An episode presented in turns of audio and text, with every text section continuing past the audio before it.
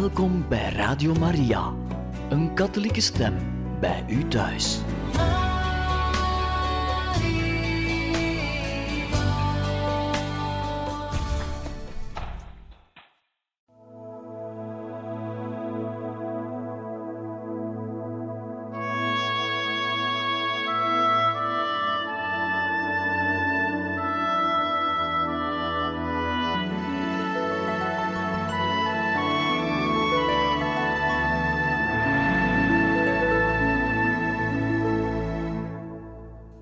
Beste luisteraars van Radio Maria, van harte welkom in het programma Heiligen Getuigen, waar wij u verder voorlezen uit het boek Mijn levensverhaal, geschreven door de heilige Thérèse van Lisieux en bewerkt door Koen de Meester. We waren in het hoofdstuk Mijn totale bekering. De heilige Thérèse van Lisieux schrijft in dit autobiografische document of manuscript naar moeder Agnes. En moeder Agnes is niet alleen de overste van de heilige Thérèse van Lisieux in de Karmel, maar dus ook haar zus. En we waren aangekomen in haar leven op het moment waarop ze eigenlijk toestemming vraagt om te mogen intreden in de Karmel. Opgelet, ze is slechts 15 jaar wanneer ze deze vraag stelt aan degene die daarvoor verantwoordelijk is, meneer Riveroni, maar hij is niet akkoord. Nu, als vicaris-generaal zegt hij: Indien je echt overtuigd bent dat je roeping hebt en toch wil intreden in de Karmel, dan zal ik je moeten doorverwijzen naar de bisschop van Bayeux, Monseigneur Hugonin. En we zijn aangekomen aan het moment waarop de heilige Thérèse van Lisieux samen met haar vader staat te wachten in de werkkamer van de bisschop.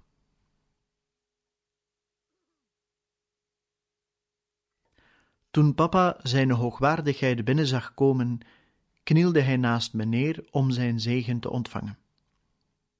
Monseigneur wees papa een fauteuil aan en ging tegenover hem zitten. Meneer Riveroni wilde dat ik in het midden ging zitten, maar ik weigerde beleefd. Hij drong aan en zei me te laten zien of ik gehoorzamen kon. Ik ging direct zitten, zonder er nog over na te denken. Ik schaamde me toen ik zag dat hij een stoel pakte, terwijl ik wegzakte in een fauteuil waar gemakkelijk nog vier mensen zoals ik in hadden kunnen zitten. En dan meer op hun gemak dan ik, want ik voelde me verre van op mijn gemak. Ik hoopte dat papa het woord zou doen, maar hij zei tegen me dat ik zelf maar aan monseigneur moest uitleggen waarom we gekomen waren. Ik deed dat met zoveel mogelijk welsprekendheid. Zijn hoogwaardigheid was gewend aan welsprekendheid en leek niet erg bewogen door mijn redenen. In plaats daarvan had ik meer gehad aan een briefje van meneer de rector, maar dat had ik jammer genoeg niet. En zijn tegenstand pleitte niet bepaald in mijn voordeel. Monseigneur vroeg me of ik al lang verlangde in te treden in de karmel. En ik zei: O ja, monseigneur, al heel lang. Kijk eens aan, hernam meneer Rivoroni lachend. Maar u kunt niet zeggen dat u dat verlangen al vijftien jaar hebt. Dat is waar, zei ik op mijn beurt lachend, maar er kunnen niet veel jaren van afgetrokken worden, want sinds het ontwaken van mijn verstand heb ik verlangd religieuze te worden. En zodra ik de karmel kende, wilde ik daarheen gaan, want ik vond dat in die orde alle aspiraties van mijn ziel vervuld zouden worden. Ik weet niet, moeder, of het dit precies was wat ik zei. Ik geloof dat het nog minder mooie bewoordingen waren, maar dit was wel de inhoud ervan. Monseigneur meende papa aangenaam te zijn door te proberen mij nog een aantal jaren bij hem te laten blijven. Hij was dan ook verbaasd en gesticht, en niet zo klein beetje ook, toen hij merkte dat papa partij voor mij trok. Papa deed een goed woordje voor me, zodat ik toestemming zou krijgen om op mijn vijftiende al uit te kunnen vliegen. Maar het had geen zin. Monseigneur zei dat er voor hij een besluit kon nemen, eerst een onderhoud met de rector van de Karmel nodig was.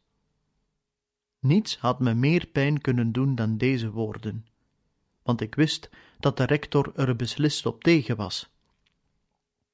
Zonder dan ook rekening te houden met wat meneer de Veronie mij op het hart gedrukt had, liet ik mijn diamantjes niet alleen zien aan monseigneur, maar ik gaf ze ook. Ik zag wel dat hij daardoor geraakt was. Hij nam me bij de hals en legde mijn hoofd op zijn schouder. Hij was heel lief voor mij. Zo uitzonderlijk lief als hij, naar het schijnt, nooit voor iemand geweest was. Hij zei me dat alles nog niet verloren was.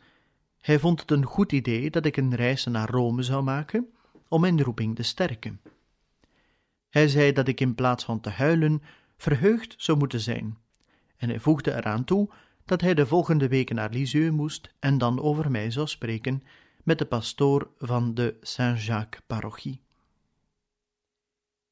Als ik in Italië was, zou ik wel antwoord van hem krijgen. En ik begreep dat het geen zin had verder aan te dringen. Ik had overigens niets meer te zeggen.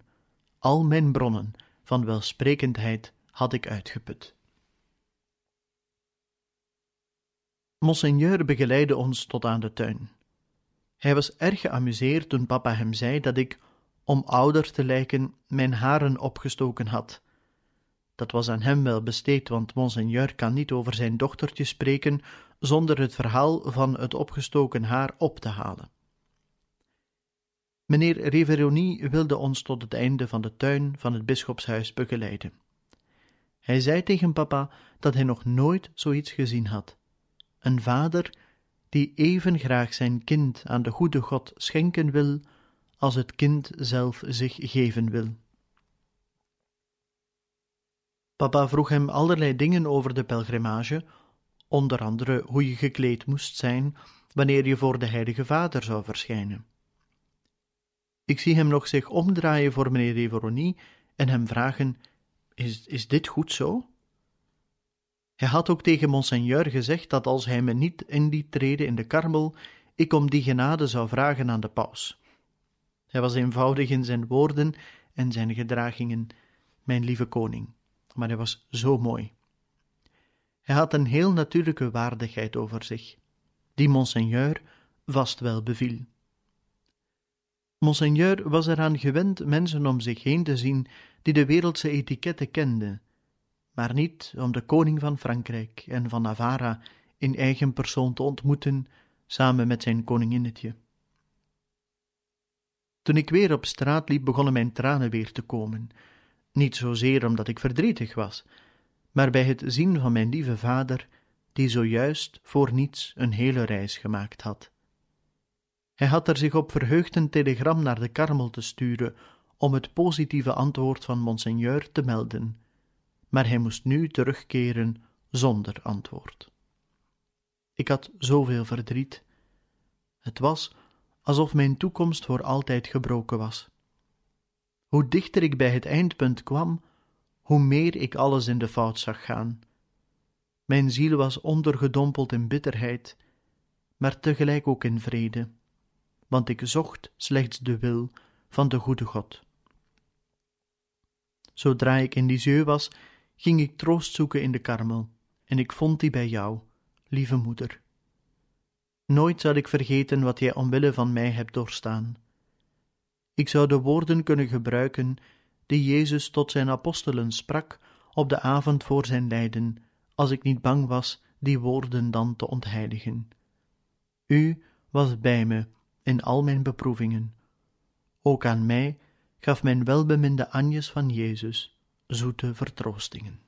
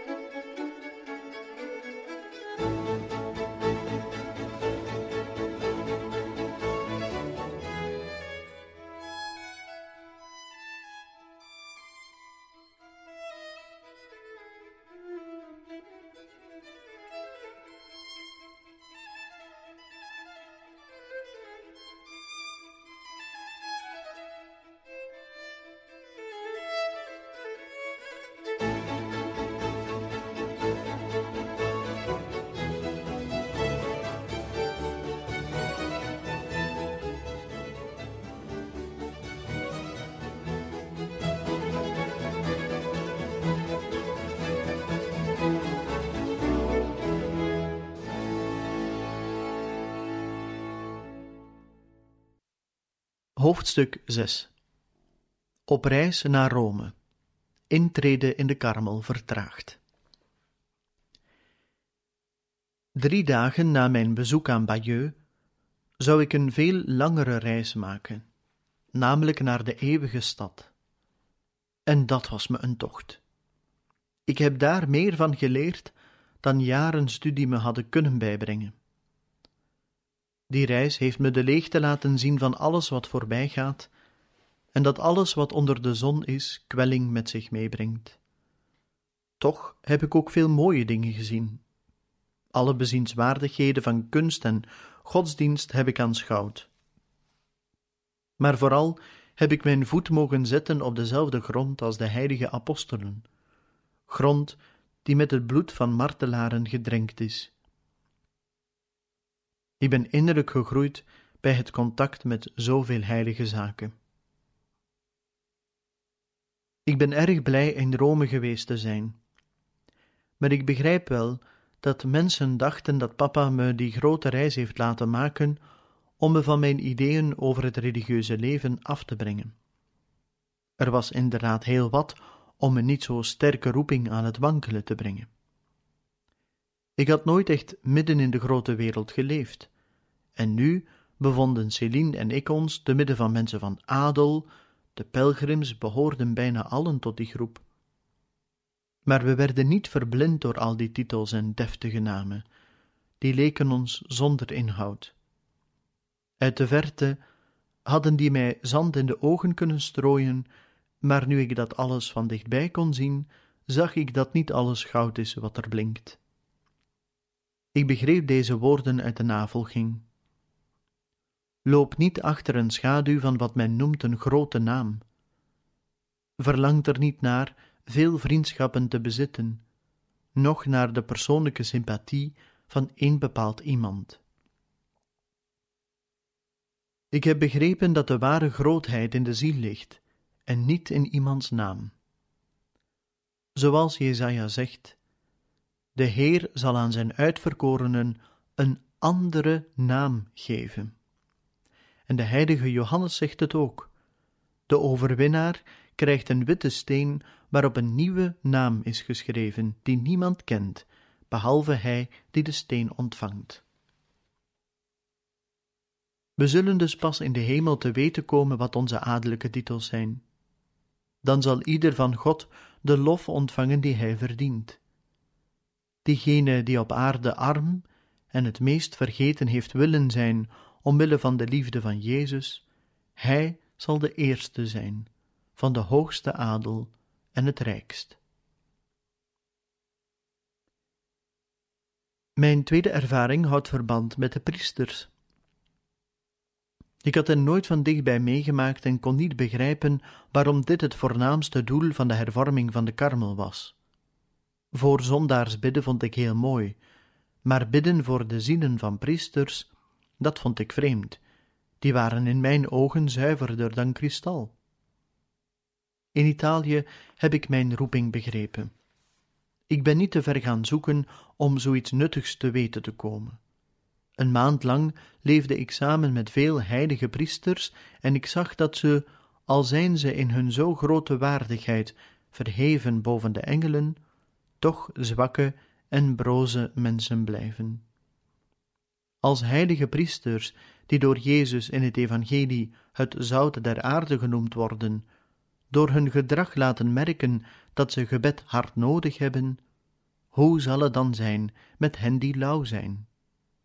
Maar Jezus heeft hij er niet aan toegevoegd, als het zout zijn smaak verliest, waarmee moet men dan zouten? Moeder, wat een mooie roeping om te mogen zorgen voor het zout dat voor de zielen bestemd is. Dat is de roeping van de karmel. Het enige doel van ons gebed en van onze offers is om apostel te zijn van de apostelen. Voor hen bidden, terwijl zij het evangelie brengen aan de zielen, door hun woord en vooral door hun voorbeeld. Maar nu genoeg. Als ik hierover doorpraat, zou ik nooit een einde kunnen vinden. Ik ga je nu, moeder, meer in detail over mijn reis vertellen. Vergeef het me als ik te veel in bijzonderheden treed. Ik denk niet na voor ik over iets ga schrijven. En schrijven doe ik verspreid over zoveel verschillende momenten, omdat ik zo weinig vrije tijd heb. Daardoor zal mijn verhaal je misschien niet zo boeien. Maar ik troost me met de gedachte dat ik in de hemel jou opnieuw over de genaden kan vertellen die ik ontvangen heb, en dan in fraaie en mooie bewoordingen. Niets zal onze intieme ontboezemingen dan nog verstoren, en in één blik zal je alles begrepen hebben. Helaas moet ik me nu nog bedienen van de taal van deze trieste aarde, maar ik zal proberen dat te doen met de eenvoud van een klein kind dat de liefde van zijn moeder kent. Op 7 november vertrok de groep pelgrims naar Parijs, maar papa bracht ons al een paar dagen eerder naar deze stad toe, zodat we die alvast bekijken konden.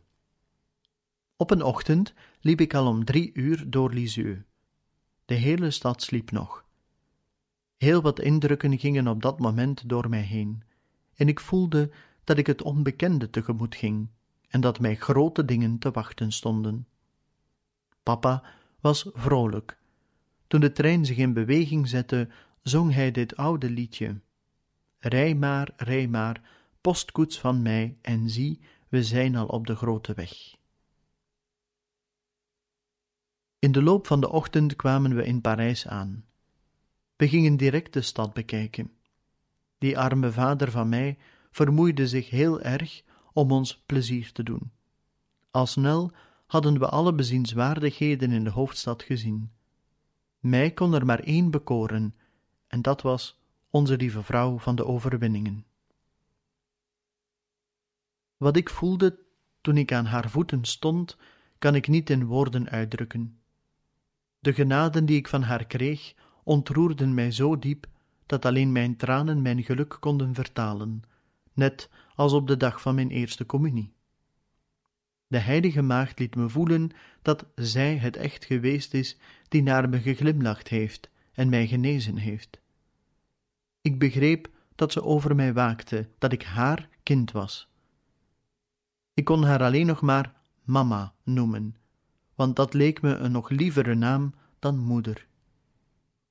Met hoeveel vuur heb ik niet gebeden of ze me altijd beschermen wilde en spoedig mijn droom in vervulling wilde doen gaan, mij verbergen in de schaduw van haar maagdelijke mantel. Dat was een van mijn eerste verlangens als kind, en toen ik ouder werd, begreep ik dat het in de karmel was dat ik echt de mantel van de heilige maagd zou kunnen vinden. En naar deze vruchtbare berg gingen al mijn verlangens uit.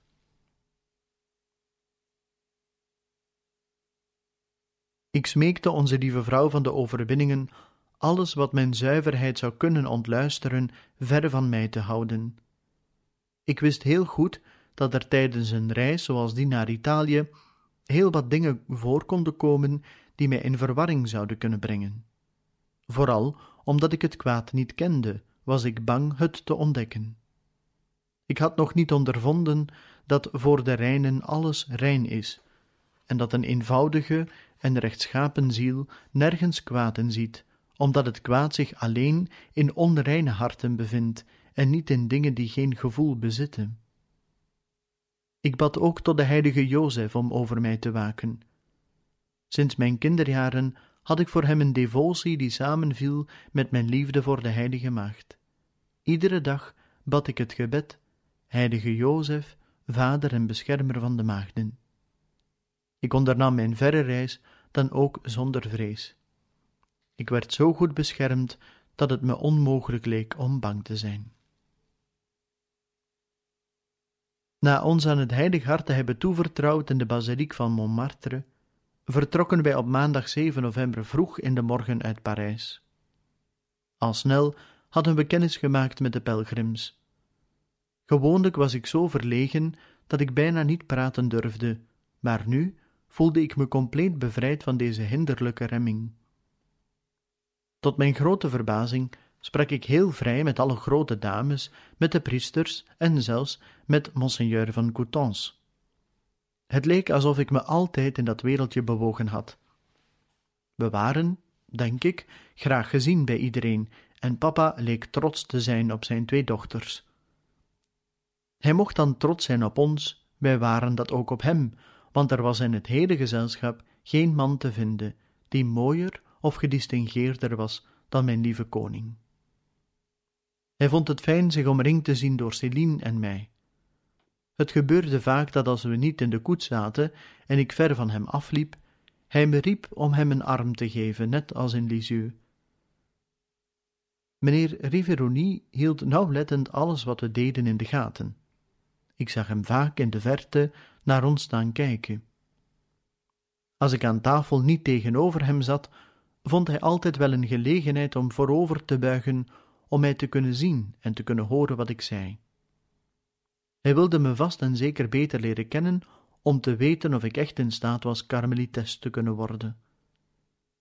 Ik denk dat hij tevreden moet zijn geweest over zijn onderzoek, want aan het einde van de reis leek hij erg met me ingenomen te zijn. Maar in Rome was hij mij niet zo gunstig gezind, zoals ik later nog wel zal vertellen.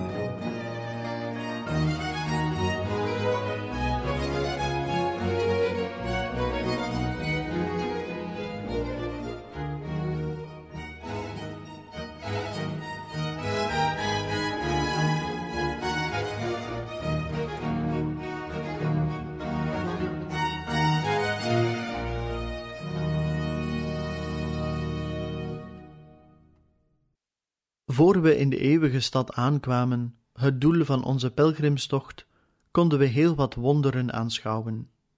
Allereerst Zwitserland, met zijn bergen waarvan de toppen in de wolken verdwijnen, met zijn sierlijke watervallen die op vele verschillende manieren naar beneden storten, met zijn diepe dalen vol reusachtige varens en rozekleurige heide.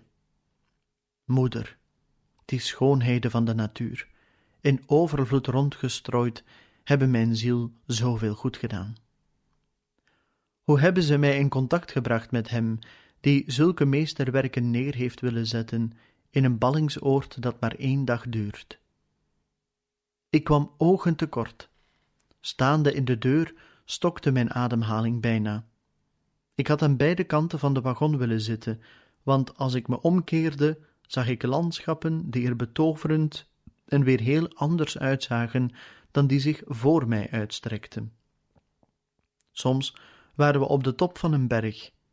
De afgronden die aan onze voeten lagen, onze blik kon de diepte ervan niet peilen, leken ons bijna op te slokken. Of we zagen een fantastisch mooi dorpje liggen met sierlijke chalets en een klokkentoren, waarboven zacht een paar stralend witte wolken zweefden. Wat verder was er een groot meer dat door de laatste zonnestralen goud gekleurd werd. De rustige en reine golven hadden de azuurblauwe kleur van de hemel gekregen en die tint mengde zich met het vurige rood van de zonsondergang. Het bood aan onze verbaasde blikken het meest poëtische en betoverende tafereel dat er te zien is. Aan het einde van de wijde horizon namen we bergen waar. De onduidelijke contouren ervan zouden aan onze ogen ontsnapt zijn, als hun besneeuwde toppen, die blonken in de zon, niet nog een extra charme toevoegden aan het mooie meer dat ons in verrukking bracht. Toen ik al die schoonheden bekeek, ontstonden er in mijn ziel heel diepe gedachten. Het was alsof ik de grootheid van God en de wonderen van de hemel al begreep. Ik zag het religieuze leven voor me zoals het is, met de prijsgave van zichzelf en zijn kleine verborgen offers. Ik begreep hoe gemakkelijk het is om je op te sluiten in jezelf en het hoge doel van je roeping te vergeten. En ik zei bij mezelf: Later, als het uur van de beproeving aanbreekt, wanneer ik een gevangene in de karmel zal zijn, dan zal ik alleen nog een heel klein stukje van de met sterren bezaaide hemel kunnen zien. Maar dan zal ik terugdenken aan wat ik nu zie. Die gedachte zal me moed geven. Ik zal dan gemakkelijk mijn kleine eigenbelang vergeten als ik terugdenk aan de grootheid en de macht van God, die ik alleen beminnen wil. Ik zal me dan niet per ongeluk aan stro vastklampen, omdat mijn hart voorvoeld heeft wat Jezus bereid heeft voor hen die Hem liefhebben. Nadat ik de macht van de goede God bewonderd had, mocht ik ook nog de macht bewonderen die Hij aan zijn schepselen gegeven heeft. De eerste stad die we in Italië bezochten was Milaan.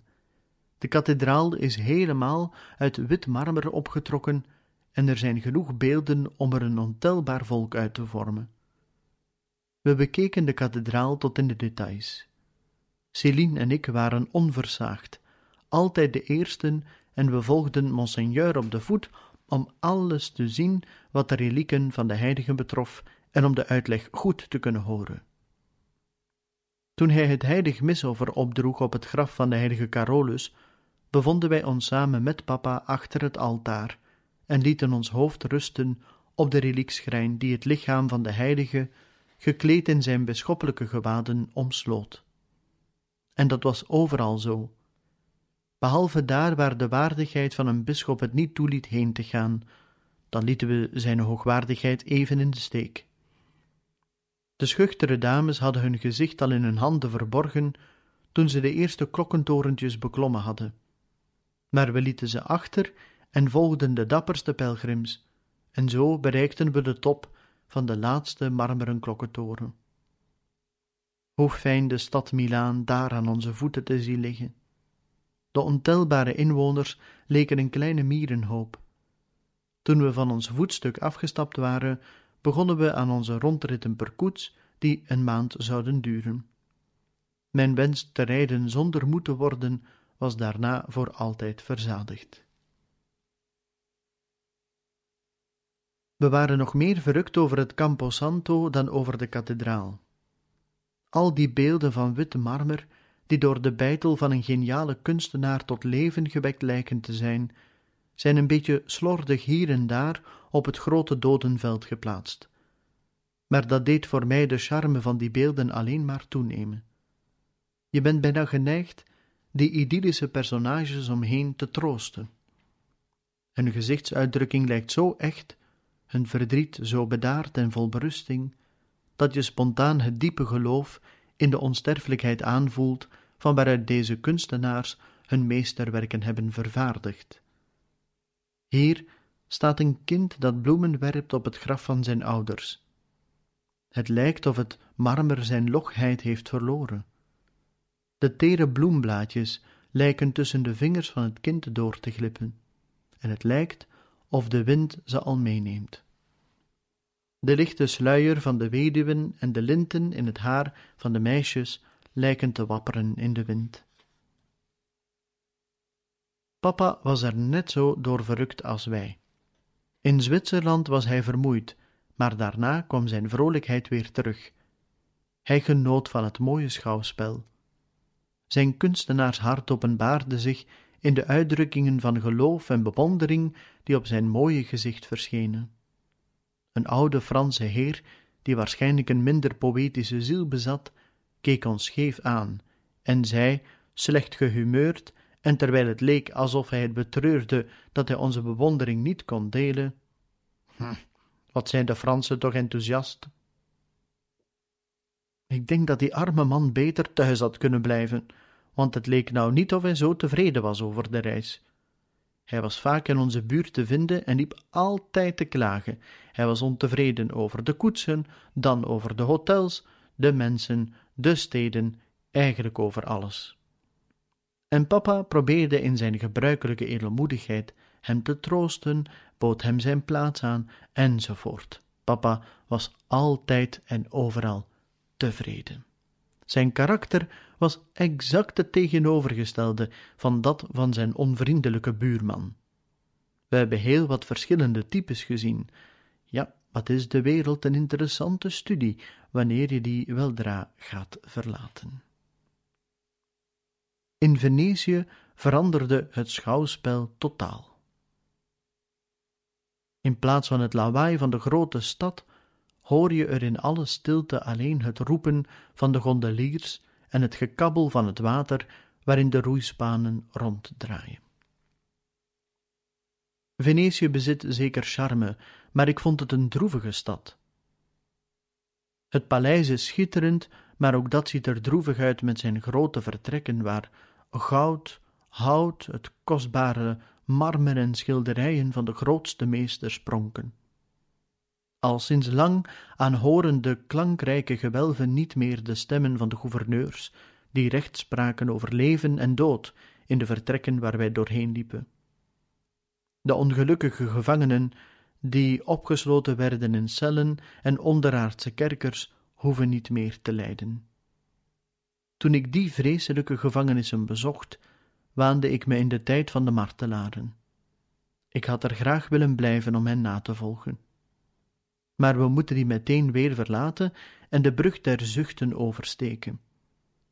Die brug werd zo genoemd vanwege de zuchten van opluchting die de gevangenen slaakten als ze zich bevrijd zagen van de onderaardse verschrikkingen, want ze wilden liever sterven. Na Venetië zijn we naar Padua gegaan.